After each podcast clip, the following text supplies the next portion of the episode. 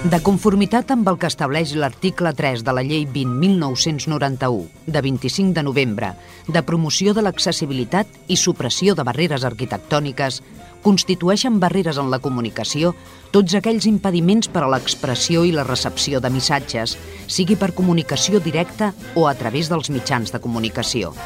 És per això que emparam-nos en aquesta llei, volem que cada ciutadà gaudeixi del seu propi espai per moure's, un espai sense censura, un espai en què vosaltres sigueu els protagonistes. En definitiva, un espai per tothom. Benvinguts a Espai Vital. Senyores i senyors, benvinguts un dia més a un programa més. Vostès ja el coneixen, és l'Espai Vital. Un espai vital que avui està d'enhorabona. Jo els explico. Eh, hi ha un estudi que mm, afirma que aquest estiu mm, no tindrem estiu, com a mínim amb un 75% de probabilitat. Serà el primer estiu que els malalts d'esclerosi múltiple podrem viure eh, una calma i una tranquil·litat eh, de temperatura inigualables. Per això, com estem contents, comencem amb 3, 2 o 1. Estàs escoltant Espai Vital. Jo sé que molta gent, això que acabo d'afirmar, doncs dirà, pues, mm, qué pedazo de, mm, guarrada nos han hecho, eh, que no tengamos verano.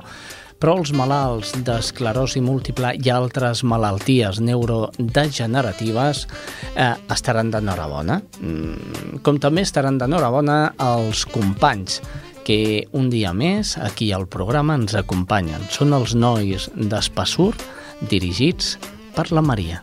Hola, buenas tardes. Otra vez estamos aquí. Hoy tenemos gente nueva que no había venido nunca, que, que yo les doy la bienvenida.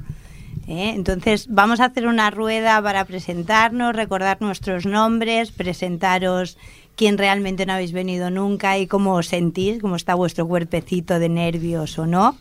¿Vale? Y, y bueno, empezamos aquí por esta señorita. ¿Tu nombre? Evelyn. Muy bien. ¿Tú has venido alguna vez, Evelyn? Sí, con la, la monitora, la... Con otra monitora. Sí. Muy bien. ¿Seguimos? Fátima. Que hoy la Fátima ha venido que estaba así pachuchilla, le dolía la barriga. Yo le he dicho, hombre, Fátima, no me dejes colgada, ¿eh? que, que tú tienes mucha labia en la radio y al final la he convencido y se ha venido, que también te lo agradecemos, ¿vale? ¿Seguimos? Hola, me llamo Ramón. Sí, soy de Repollé. Muy bien. que tengo a radio. ¿Es la primera vez que vienes a la radio? Sí, la primera que ya. ¿Y, y qué tal? ¿Qué te parece el estudio? ¿Qué te ha parecido Mm. nuestro técnico maravilloso Jordi y Muy todo bien, eso? Está muy bien esto yo. Sí, muy bien. vez que viene aquí a radio. pues Muy bien. ¿Y tranquilo? ¿Estás Yo, yo, tranquilo? tra- tranquilo, tranquilo, ok. muy bien, muy bien. ¿Seguimos?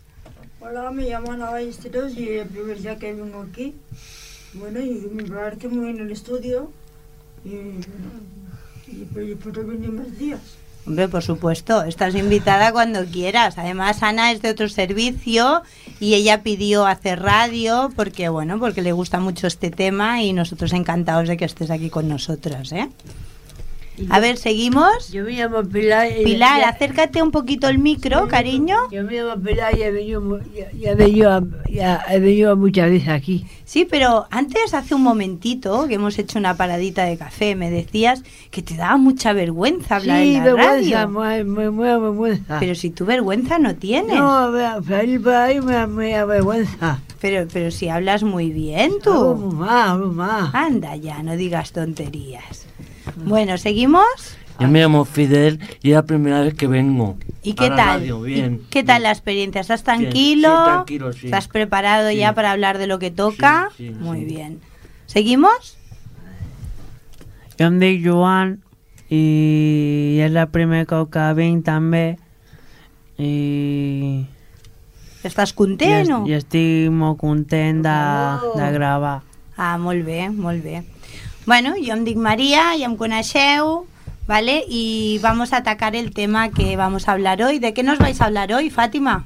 De las ONGs. De las ONGs, un tema yo pienso que muy bonito, ¿no? ¿Y qué es las ONGs? ¿Qué significan las siglas de ONG? ¿Qué significa? Organización no gubernamental. Ah, muy bien. ¿Y qué opináis vosotros de, los, de las ONGs? ¿Os gustan? ¿Nos gustan? ¿Estáis de acuerdo con que haya ONGs? Yo sí estoy de acuerdo. Y yo también. ¿Por qué? ¿Qué entendéis vosotros? ¿Por una ONG? ¿Qué entendéis? ¿Quién me explica qué es una ONG? Caritas. Caritas es una ONG, pero ¿qué hacen las ONGs en realidad? Ayudar a la gente. Ayudar a Hacen la de atroz. Vamos a hablar poco a poco porque si no, mm, no se oye bien. Ana. Digo que ayudar a la gente Ajá. que porque necesita ayuda y entonces las ayudan, aunque todo el mundo no, no lo hace, por eso está el país como está. Ajá. Pero bueno, hay mucha gente que por fortuna lo hace, Ujú. como está la Naciones, como está Caritas, como dice mi compañero Fidel, y como estaban Manos Unidas y Ujú. muchas más, que ahora no me acuerdo. Sí, luego hablaremos del tipo de, de asociaciones que hemos Sí. conocido y que buscamos por internet y que nos informamos, ¿vale? Entonces, eh, ¿vosotros creéis que hay desconfianza en lo de las asociaciones? Por ejemplo, cuando uno da un dinero que nos cuesta sudores y lágrimas y, y lo da con todo el pesar, ¿vosotros creéis que todo el dinero llega a donde tiene que llegar? ¿O hay alguien que por el camino se lo mete en el bolsillo? Ayuda a gente. Ayuda a gente. Eso es lo que hacen las ONGs. ¿Pero tú crees en las ONGs? ¿Qué ONG? Pilar, por favor. La organización que ayudan a la gente, A la ¿no? gente mayor y a, y a niños también. Mayores, niños, y gente que lo necesita, ¿no? Sí.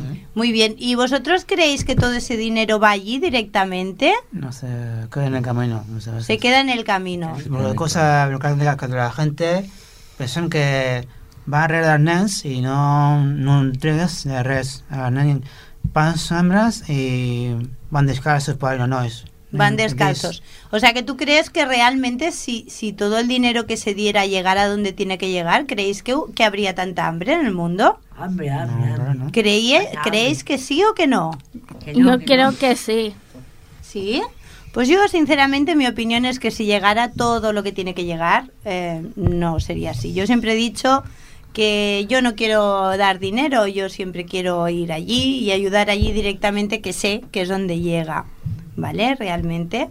¿Qué pensáis de los apadrinamientos de los niños? ¿Lo conocéis? ¿El tema de apadrinamiento de niños? Ay, Yo-. A ver, Fátima, ¿qué, qué, explícanos un poquito. ¿Qué es apadrinamiento de niños? ¿Cómo funciona? Ah, no te dé vergüenza que tú no tienes vergüenza. Venga, va. ¿Cómo funciona el apadrinamiento de los niños?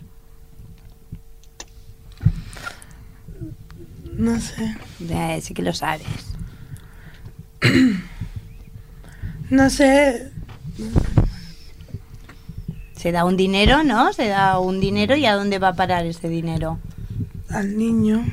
¿Y para qué te, te dicen que sirve ese dinero que le das? Pues para cuidarlo, darle la comida y todo, pero yo creo que no. que tampoco llega directamente. Luego también otra cosa de lo que hacen mucho las ONGs es recoger ropa, ¿no? Sí. Hay unos Sí. containers, ¿no? En muchos sitios, entonces se da la ropa. Y, y a mí siempre hay una cosa que me ha llamado mucho la atención. Antes... Que, Dime, l- Fátima.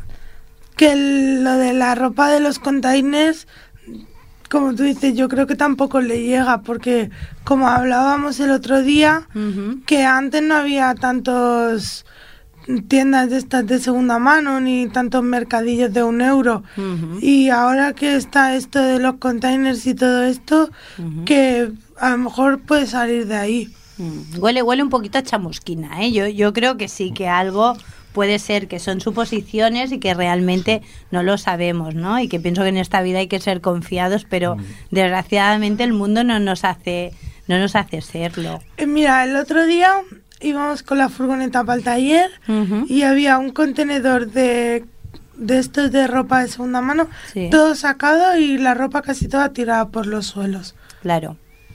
Claro, yo supongo que ahí hay algo que, que no cuadra, pero bueno, dejémoslo en, en algo que no cuadra, que no lo podemos cerciorar porque no lo sabemos, ¿vale?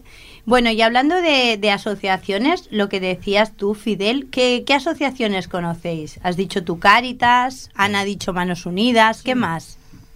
Què més associacions? Unicef. Unicef. Què més? La Creu Roja. La Creu Roja, molt bé. Yo, a Jesús Ferrer.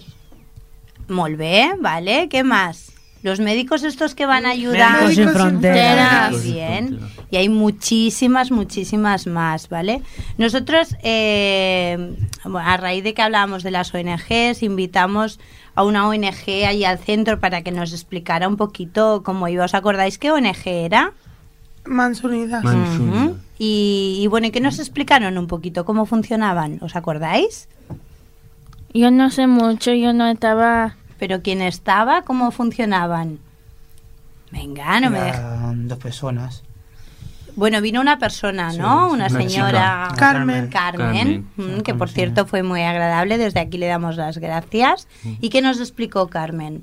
Que hacían cosas. que habían voluntarios Había que ellos si cuando iban a los países que ellos se pagaban ellos mismos los, los billetes que algunas veces lo habían pasado mal por el tema de la comida del el agua que tomaban.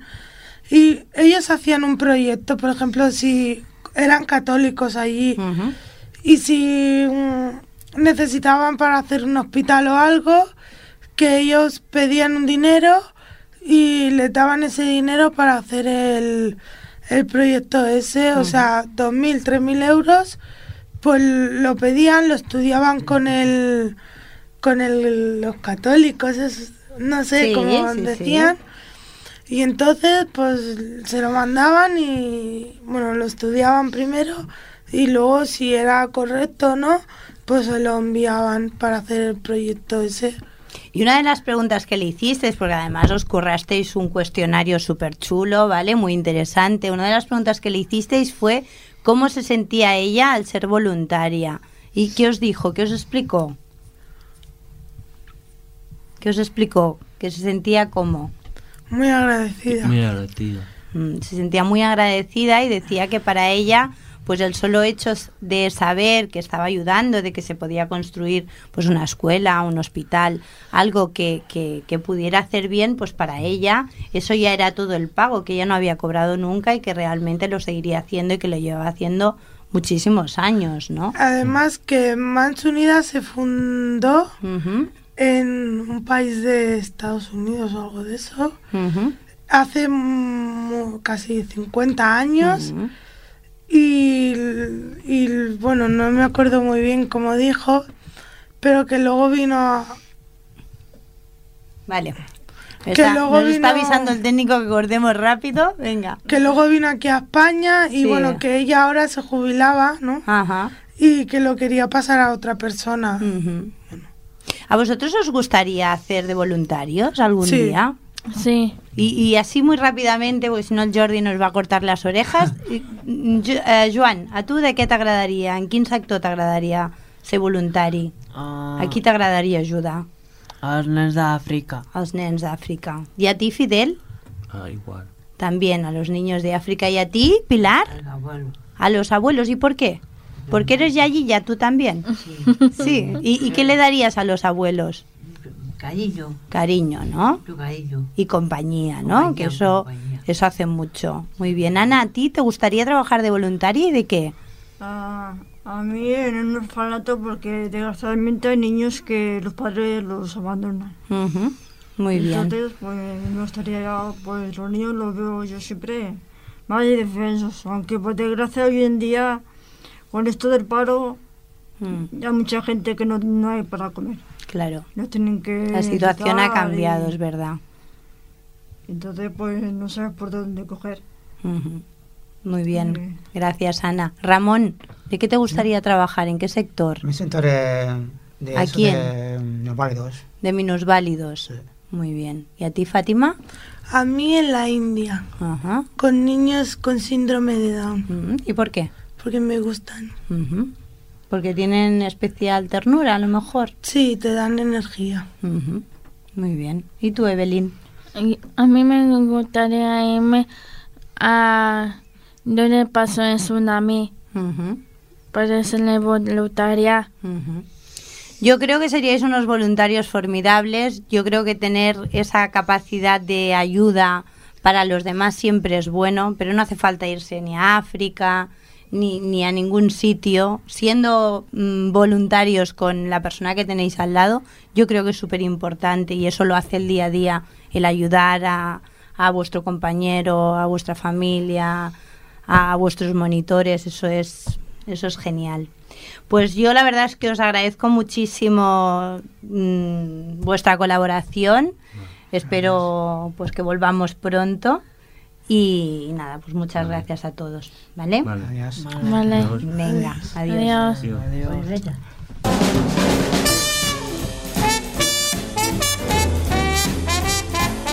Estàs escoltant Espai Vital.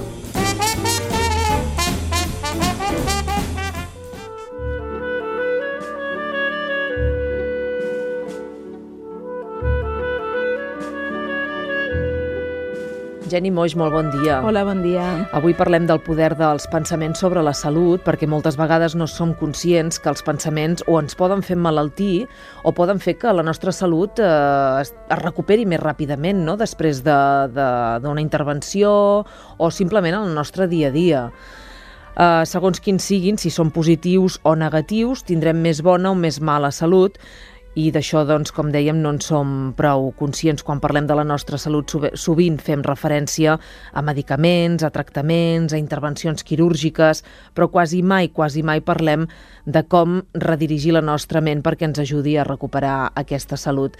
Són molt importants, eh? El que hem de fer és prendre consciència de, dels pensaments, Jenny. Jo crec que la importància dels pensaments, eh, és a dir, el pes dels pensaments sobre l'organisme és increïblement gran, quasi de ciència-ficció.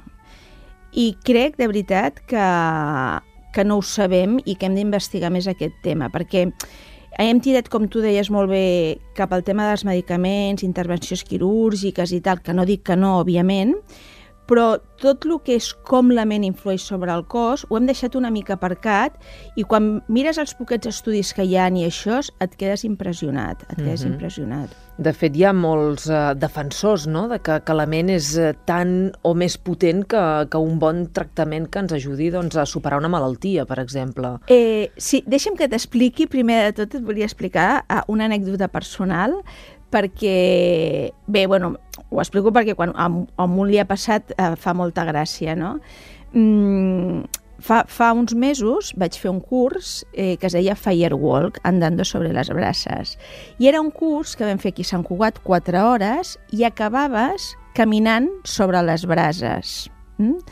Me'n recordo que quan em vaig apuntar al curs els meus fills em van dir «Mama, tu estàs boja, com caminaràs sobre les brases si quan vas a la platja fas saltirons perquè et cremes amb la sorra, no?»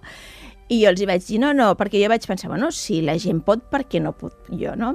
Pues quan arribaves al curs et feien signar un consentiment informat de que si et sortien ampolles, tal, no, era, no estava... I jo vaig pensar, ui, on t'has posat, Jenny? Bueno, el cas és que sí, sí, feies el curs mentre 4 hores, mentre feies anaven cremant un foc i al final caminava sobre les brases. Clar, és increïble. És increïble perquè, a veure, jo parlo de la meva experiència, que tothom... A veure, en allà, pràcticament tothom, no tots, però pràcticament tots vam passar per sobre les brases. Mm? I... I no us veu cremar? No, no, no. És que, a veure, el que vull explicar és que no és que no em vagi cremar. Tu camines sobre les brases i quan acabes de caminar, val, que potser, a veure, estàs 5 o 6 segons caminant, vull dir, no, no és que estiguis dos minuts caminant sobre brases, o 10, no sé, és molt poqueta estona, no? Però quan acabes de caminar eh, et ruixen els peus amb una manguera, perquè, clar, si t'ha quedat alguna brasa entre els dits no et puguis cremar, no? Doncs bé, eh, en el meu cas, i suposo que en l'altre cas, no és que no em cremés, sinó que tan so ni tan sols vaig sentir que jo estava calent no ho vaig notar ni calent, ni calent. Llavors, quan vaig acabar em van ruixar els peus, llavors ja, quan vaig, estava, era un jardí, hi havia gespa, vaig començar a caminar sobre la gespa, i llavors, quan ja diguéssim havia sortit d'aquest estat que estàs com mig ah, hipnotitzat, que no és el cas, no? Llavors vaig començar a notar que els peus els tenia calents perquè, clar, havia caminat sobre les brases, no?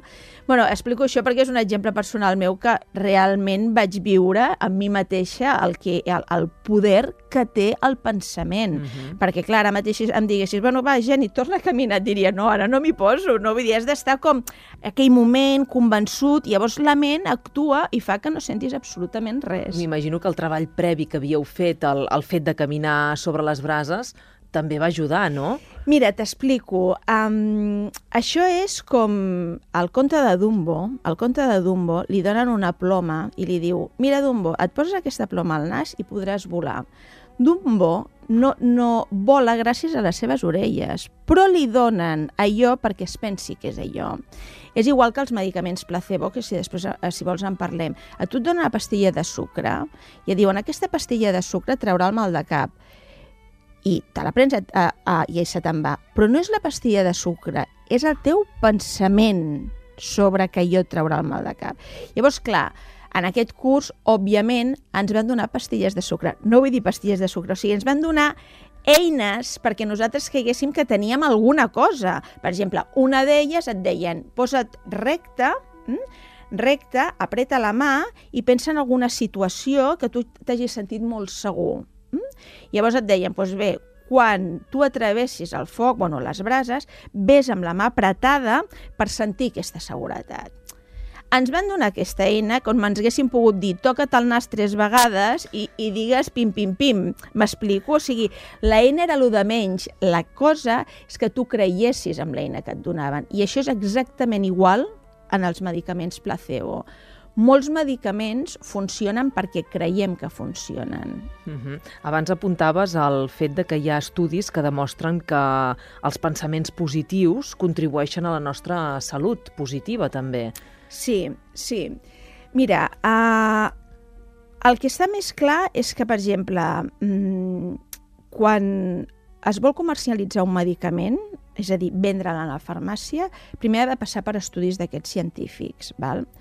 En aquests estudis científics, tu podries dir, bueno, per exemple, jo què sé, un medicament per tractar l'asma, no? Doncs agafo gent que té aquesta dolència, li dono el medicament i si es cura és senyal que és efectiu i el puc vendre a la farmàcia. Val? Però això no es fa mai així. El que es fa és, s'agafa un grup de gent que se li dona el medicament i es compara sempre amb un grup de gent que se li dona un medicament però que és placebo, és a dir, que és una pastilla de sucre, encara que ells no ho saben. Mm?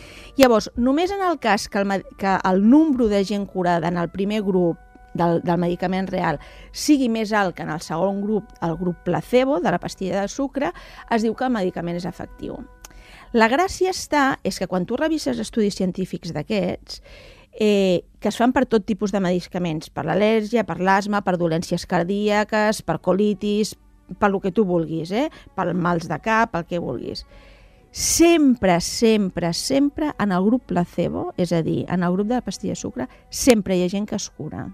És a dir, que amb qualsevol dolència el que nosaltres creiem eh, té molta força. El que passa és que vivim una societat que bé, bueno, el grup placebo ha passat això i no ens importa, anem a vendre el medicament, vale, i és efectiu. Però el que tindríem que parar a pensar és, bé, anem a investigar aquesta gent que s'ha curat amb, amb una pastilla de sucre, qui ha passat per dintre del seu cas, cap, què ha passat a dintre del seu cos. Aquest efecte anem-lo a estudiar, no?, per potenciar no tant els medicaments, sinó el que nosaltres pensem. Mm -hmm. Ara que expliques això, em ve al cap l'entrevista que manteníem fa unes setmanes amb Neus Català. Ella va estar tancada durant 18 mesos en un camp de concentració nazi, i jo, quan parlava amb ella, li preguntava, però Neus, mm, com va ser possible suportar tot el dolor que, que veu viure allà, no? I deia, mira, nosaltres sempre pensàvem que d'allà en sortiríem, no? I aquest pensament de, de, de dir, sortirem, no sabem quan, però sortirem. Això és el que ens ajudava, no? A, sí. a, a viure un dia i un altre dia i a buscar tècniques, fins i tot riure, no? A buscar fer teatre o fer estar juntes, no? Abraçar-nos, perquè això era el que ens permetia suportar eh, tant de dolor la potència d'aquest pensament és increïble. De fet, Viktor Frankl va, va escriure un, un llibre, L'home en busca del sentit. Ell també va estar en camps de concentració nazis, se li va morir tota la família, també horrible I ell va arribar a aquesta conclusió, aquesta que tu m'estaves dient, que la diferència entre la gent que, que se suïcidava o que es deixava morir i la gent que, com tu dius, com la Neus Català, lluitaven, era el sentit. És a dir, la gent que deia, bé, quan jo, per exemple, la Víctor Franklin va dir, era psiquiatre, uh, jo sortiré d'aquí i tot el que he après aquí del patiment de la gent em servirà per crear una tècnica per ajudar la gent. I realment va ser un psiquiatre molt famós. I la gent que sortia d'allà era perquè tenia un pensament, un pensament. Uh -huh. El patiment, doncs, ens escurça la vida? És a, dir, és a dir, viure angoixats, viure patint, viure pensant que no ens en sortirem... Uh, sí, és a dir, ara no et puc dir un estudi perquè n'hi ha molts. Hi ha tants estudis de, de la depressió, de l'alegria, de l'estrès, i sempre uh, van en el mateix sentit, no? Mm, quan més estressada vius la vida, més possibilitats tens de que sigui més curta. Quan més alegre estàs, més se t'allarga. Mm, l'efecte de les emocions sobre la salut eh, el veiem sempre, no? En les malalties, és que és així, és, ha, tots els estudis, no és allò de dir dades contradictòries, no, no, quasi sempre tots els estudis van en el mateix sentit. Mm? Hem d'estar, hem de viure la vida doncs, quan més tranquils millor, no? Ara és molt difícil per això. Geni, què podem fer? Algun consell pràctic que ens ajudi a mantenir la nostra ment eh, mm. saludable? A veure, eh, hi ha molts consells, no? però amb això que dèiem de l'efecte placebo dels medicaments, la potència de que és de lo que tu creus passa, clar, hem de vigilar moltes, molt les nostres paraules, no? Perquè, per exemple, quan li diem a un nen petit si menges xocolata tindràs mal de panxa, eh, i després el nen té mal de panxa i dius, veus com tenies, que t'he dit que la xocolata i tal, realment la xocolata provoca el mal de panxa o en aquell nen li hem hipnotitzat dient-li que el xocolata li provocaria mal de panxa. És a dir, que anem molt en compte amb el que diem i el que pensem en aquest sentit. Mm -hmm.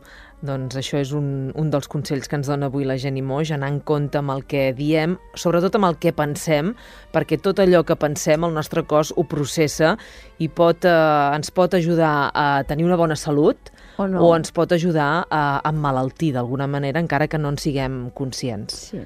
Jenny Moix, moltíssimes gràcies. A tu.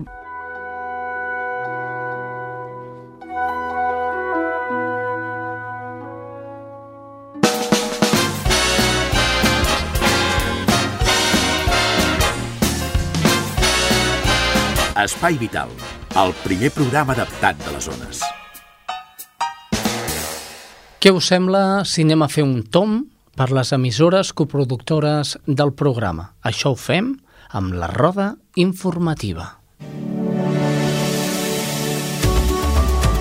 Una roda informativa que la comencem des de Cerdanyola, com sempre, amb Rosa Morante.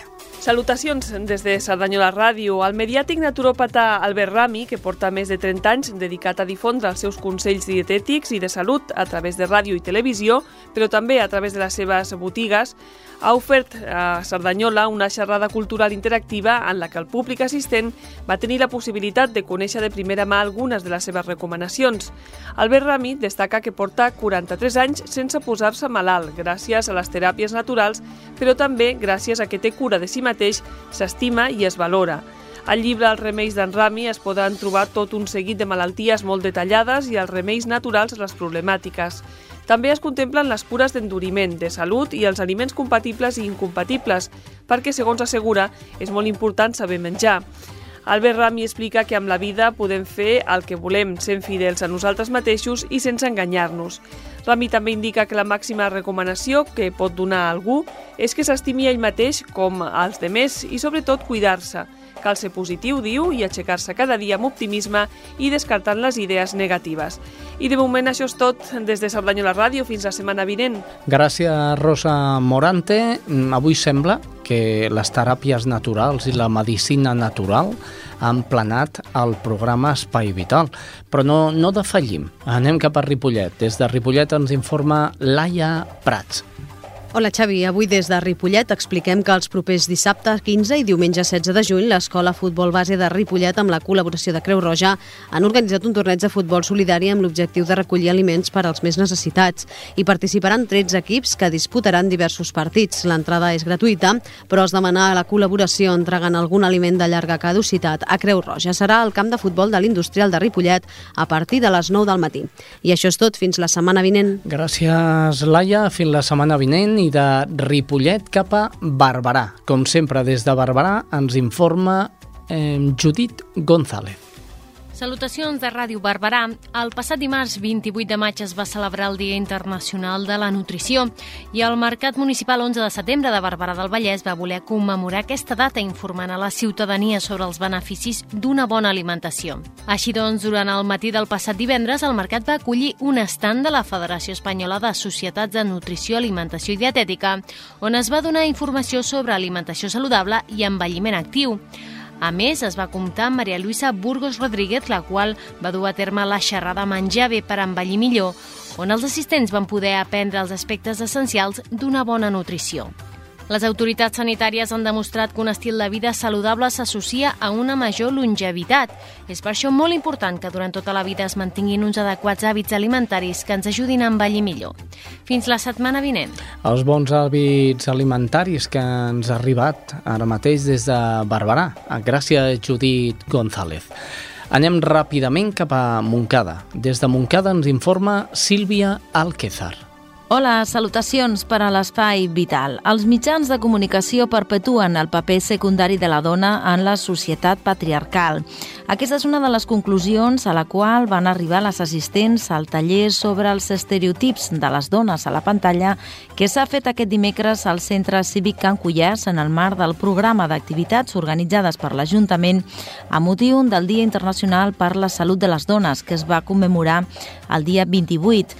Les participants a la sessió, a càrrec d'Anna Pibernat, de l'empresa Drac Màgic, van veure una mostra d'anuncis publicitaris i obres d'art on, segons Pibernat, la dona apareix amb una actitud passiva amb l'objectiu de postergar els seus rols a la societat. I Pibernat també va recomanar a les assistents mantenir una actitud crítica per no caure en els estereotips que es projecten en els mitjans de comunicació. El Centre Cívic Can Cullàs també acull aquests dies l'exposició l'exposició Les paraules i les imatges transmeten valors de l'Observatori de les Dones, un recorregut per imatges actuals en relació a les del passat, establint paral·lelismes per entendre els orígens i la funció de les formes de representació hegemòniques. D'altra banda, el 3 de juny tindrà lloc la conferència L'autoestima, la salut emocional de les dones a càrrec de la psicòloga Maria Elena Rolinski. El programa també inclou la segona trobada de Tai Chi el 9 de juny a l'exterior de la Casa de la Mina. A més, les biblioteques de Montcada també exposen aquests dies materials sobre dona i salut. Res més des de Montcada Ràdio fins la setmana vinent. Gràcies, Sílvia Alquezar. Avui sembla que tots estem molt místics entre tai chi i menjar natural, naturopatia, nutrició... Què ens està passant, senyors? Doncs de Montcada ens anem cap a Santa Perpètua. Veurem si a Santa Perpètua també estan místics. Allà es troba Estrella Núñez. Hola, salutacions des de l'Espai Vital. La cafeteria Més Capà és el primer establiment de Santa Perpètua a adherir-se a la xarxa solidària Cafè Pendent. La iniciativa consisteix a pagar anticipadament un cafè a una persona que no té recursos perquè se'l pugui prendre. Un cartell a la porta de la cafeteria amb el títol Cafè Pendent indica que l'establiment hi està adherit. El propietari de Més Capà, Juan José Vidal, ha explicat que va saber d'aquest moviment a la televisió i que no s'ho va pensar ni un moment per fer-ho al seu establiment. La iniciativa Santa Perpètua va començar fa poc, però malgrat això, el bar adherit rep diàriament una desena de cafès pagats per clients a l'espera que alguna persona amb dificultats econòmiques el demani. Per al propietari d'aquesta cafeteria, ubicada a la plaça de la Vila, el gest és senzill i permet prendre una beguda calenta al veïnat que no està passant per bons moments a causa de la situació econòmica del país. Vidal expressa que la iniciativa no es tracta de res polític ni interessat, és únicament un gest de solidaritat amb la gent sense recursos. Arriba a Santa Perpètua la xarxa solidària Cafè Pendent amb l'adhesió d'una cafeteria a aquesta iniciativa. Es tracta de deixar pagat un cafè per una persona que no el pugui pagar per prendre'l. Per ara s'hi ha adherit l'establiment Més Capà, els propietaris del qual han quedat impressionats de la bona acollida de la iniciativa a Santa Perpètua. De moment és tot. Fins la setmana vinent. Gràcies, Estrella Núñez, eh, i bona iniciativa. Aquesta crònica m'ha portat bon rotllo. Senyors, paguin el cafè o vagin als establiments on els hi donaran un cafè gratis perquè són establiments i gent solidària. Molt bé, ens queda l'última de les cròniques d'avui. Ens n'anem cap a Sabadell. Des de Sabadell ens informa Karen Madrid. Salutacions des de Sabadell. El Taulí ha implantat un sistema pioner a l'estat espanyol per evitar possibles errors en el subministrament de medicaments a malalts de càncer. El sistema de traçabilitat consisteix en informatitzar tot el procés farmacològic, des que el metge el prescriu al pacient, passant pel laboratori on es prepara i acabant al moment en què s'administra, a l'Hospital de Dia d'Oncohematologia. Els professionals del Taulí asseguren que amb aquest sistema és pràcticament impossible cometre errors, ja que les ordres del metge arriben directament al laboratori i si la dosi no és la correcta, no es deixa sortir el preparat de les instal·lacions. Un cop a l'Hospital de Dia, un sistema de codis de barres relaciona el pacient amb cada fàrmac i també amb les infermeres que el tracten. Tot just s'acaba de posar en marxa al 100%, però els responsables del centre hospitalari ja pensen en implantar-lo en d'altres serveis.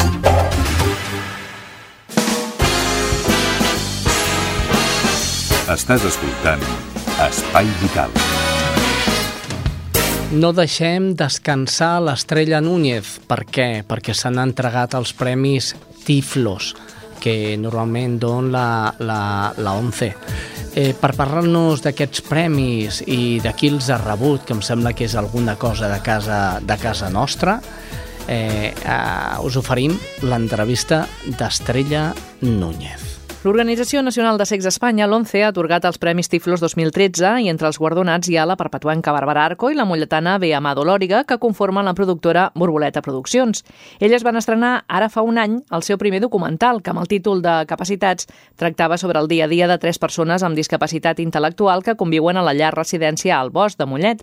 Doncs bé, un any després, l'ONCE li ha atorgat el Premi Tiflos de Periodisme en la categoria de televisió. Avui rebem a l'Espai Vital a Bàrbara Arco i Bea Amado Lòriga, benvingudes. Hola. Hola. Sorpreses pel premi? Sí, la veritat és que sí. Ara, ara ja ho estem una mica assimilant, eh? però el primer moment va ser com, què? I, i, i vaig trucar a la Bea corrents, en plan, bé, anem a, anem a brindar amb cava, estàvem supercontentes. Mira que no ens agrada el cava, però vam fer l'esforç perquè s'ho valia. o sigui que tu vas ser la primera a rebre-ho i bé, tu quan t'ho deia la Bàrbara, tu creies o pensaves que et prenia el pèl? No m'ho vaig creure perquè tal i com ho va dir era per, com per creure-s'ho. Però normalment estem tot el dia enviant uns whatsapps l'un a l'altre i aquell dia precisament jo vaig dir avui tinc dia de descans i vaig deixar el mòbil en silenci a la meva habitació i es va tirar com dues hores buscant-me fins que va aconseguir trobar-me i no va ser el meu mòbil, va ser un altre mòbil. O sigui que va ser allò, una jornada una mica d'histerisme, no?, per poder-ho comunicar. Sí, sí, en aquell moment va ser com, Bea, si us plau, agafa'm el telèfon, sempre me l'agafes, perquè ara no me l'agafes quan tinc aquesta supernotícia important a dir-te. A més, jo ho volia compartir amb, amb els meus pares, amb els meus amics, però clar, volia que ella fos qui ho sapigués abans que, que tota la resta, no? Però no hi havia manera. Finalment vaig fer el salt i vaig trucar als meus pares perquè era com, la Bea no me l'agafa, papis, sí. hem guanyat el Tiflos. Ho sento, ho sento, no? No, no sé bé. Sí, sí. Ni la primera ni la segona.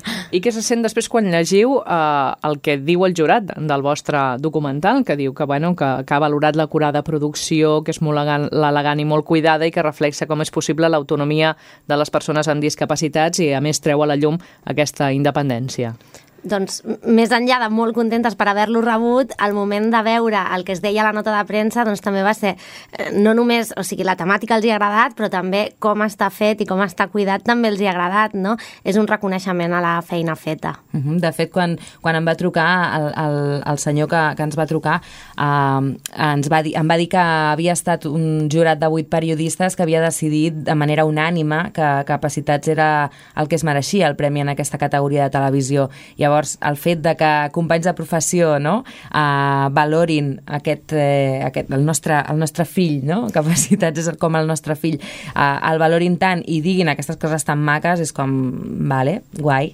genial. A més, recordem que era el primer documental que fèieu, sí, eh? sí. per tant, uh, allò, doble valor. Com va sorgir la idea de, de fer-lo? De fer capacitats, doncs, eh, a, diferència d'altres vegades que primer et sorgeix la idea i després busques els recursos per fer-la, aquí va ser ben veure que hi havia una convocatòria d'ajudes a documentals i a partir d'aquesta convocatòria vam dir, doncs anem a pensar quin documental podem fer, perquè sabíem que era un gènere que ens agradava, jo quan vaig fer comunicació em vaig especialitzar, vaig fer l'itinerari de documental, i, i llavors ens vam posar a buscar temes, i vam estar fent reunions i tal, i li vaig proposar a la Bàrbara, li vaig dir, mira, Mollet, i això, que està molt xulo, que s'està treballant des de fa temps i que ha tingut molt poca difusió, i, i li va encantar des del primer moment, a ella també li va semblar superinteressant, i, i ens vam posar a fer el projecte. Cal dir que en un inici la Bea era la que tirava del carro en el, en el sentit del, del documental, eh? perquè jo, tot i que ella es va especialitzar en documental, jo la veritat és que sí que m'agraden alguns documentals, però mai m'havia plantejat que el documental pogués ser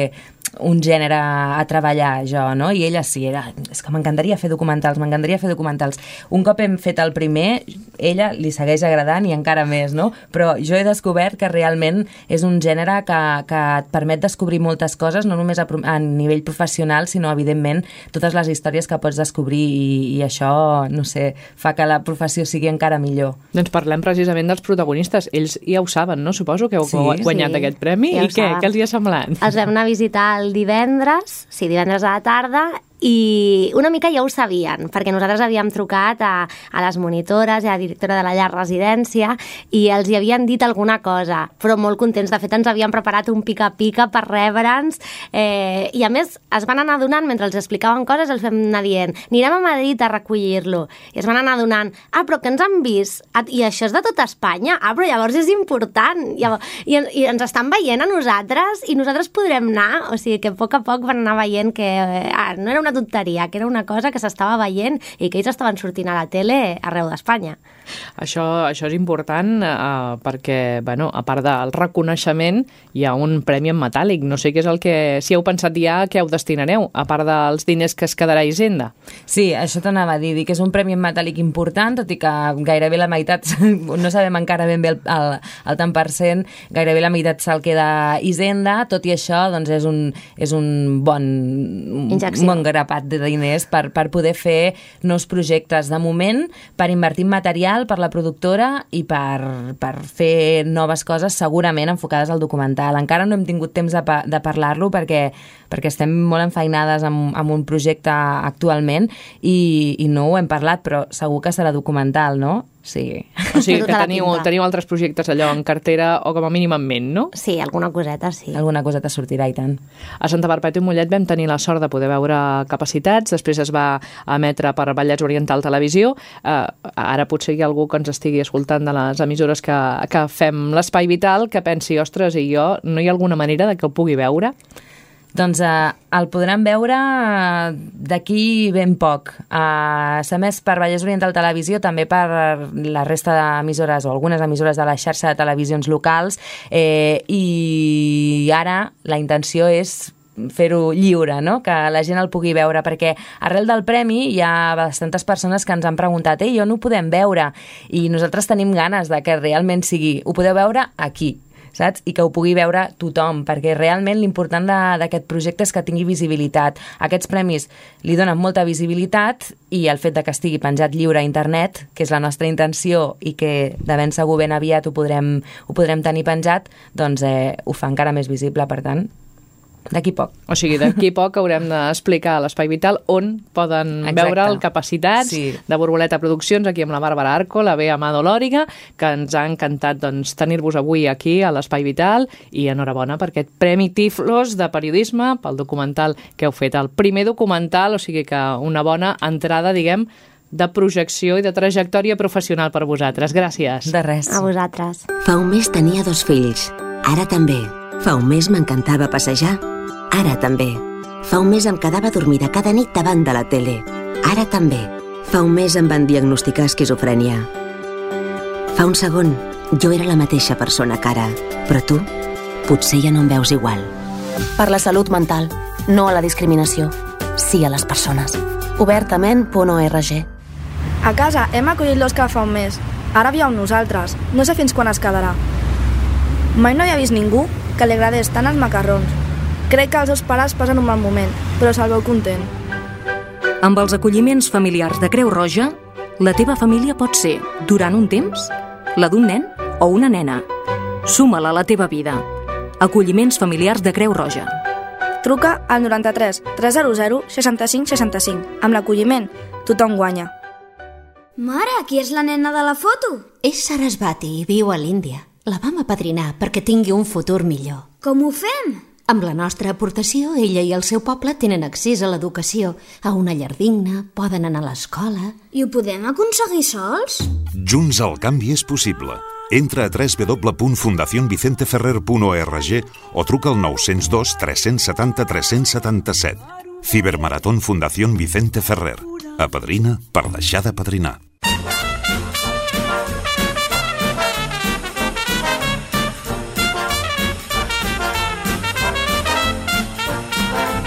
Espai Vital. I des de les emissores del Vallès Occidental, ara mateix no les repassaré totes. Senyors, no tot amb vostès que quan arriba al moment final de l'espai vital la panxa comença a parlar? Doncs parla perquè la Conxita Naudi, que és la que ens fa la cuina adaptada del programa, ens porta una recepta. Avui, si no m'equivoco, era pollastre amb ametlles. Doncs anem a escoltar-la.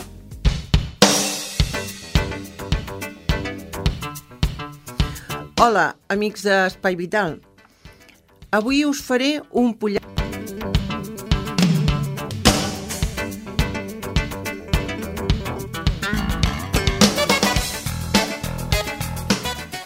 Per fer aquest pollastre necessitarem un pollastre no molt gran, ja trossejat, 150 grams d'ametlles crues i pelades, dues cebes, dos grans d'all, un got de vi blanc, dues fulles de llorer, un polsim de pebre, oli d'oliva i sal.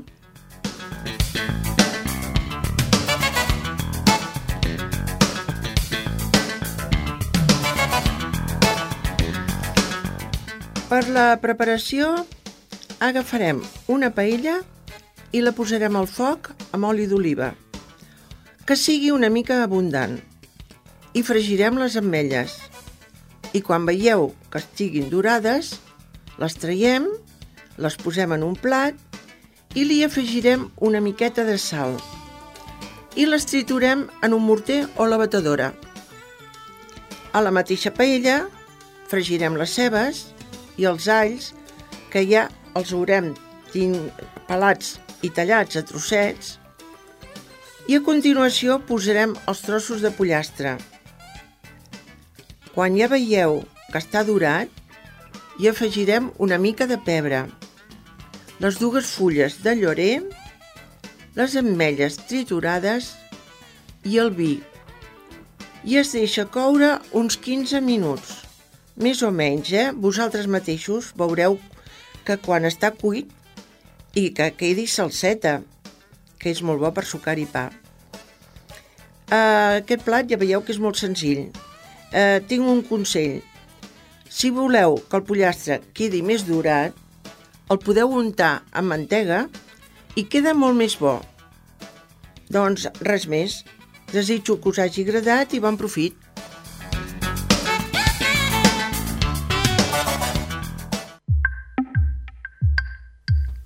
Molt bé, senyors, aquí acabem l'espai vital i no ens volem acomiadar sense donar les gràcies al nostre tècnic de sol, Jordi Puy, i a tots vostès per escoltar-nos i a tots aquells que han col·laborat en aquest programa.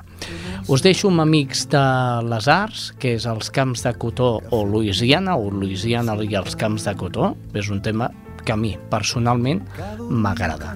Escoltem-lo fins la setmana vinent. I que tu, mare, mai haguessis aprovat que està content, que tot va bé, diu que està content, que tot va bé. Hi ha com unes coordenades, diu que us ensenyi, que us ho posi al Google Maps i diu que un dia de passada va fer nit en un poble i que s'hi va acabar quedant. Que és des d'aquí des d'on escriu, que és des d'aquí, des d'on escriu. Diu que té una casa lluny de tot i un 4x4 i quan baixa al poble ompli el rebost. Sabeu què li passa? Que al despatx un avi que li fa pensar en algú. Que li fa pensar en algú. Estimat noies i dones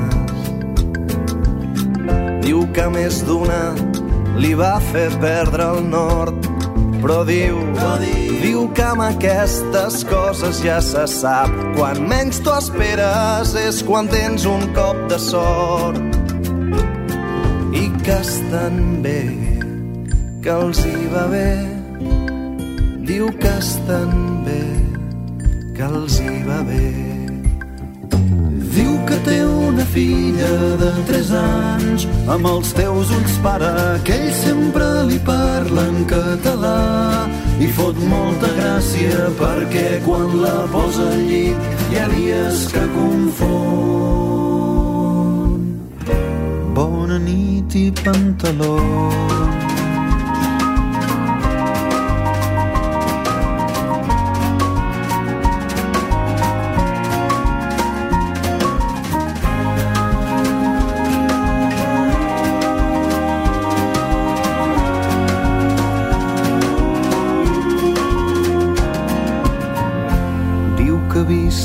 perspectiva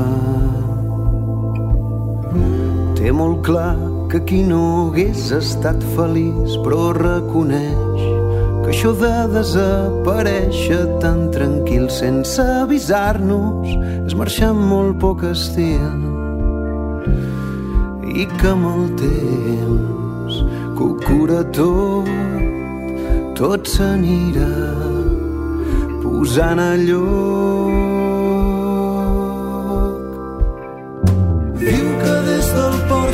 Veu un cel que no te l'acabes, que la nit sempre surt a fumar i pensa en nosaltres i que per molt lluny que estigui no hem de tenir por.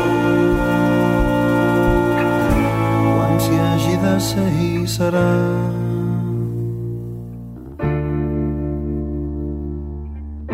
quan s'hi hagi de ser hi serà.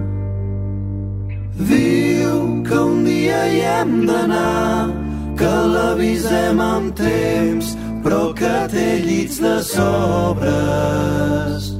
Diu que un dia hi hem d'anar, que l'avisem amb temps, però que té llits de sobres.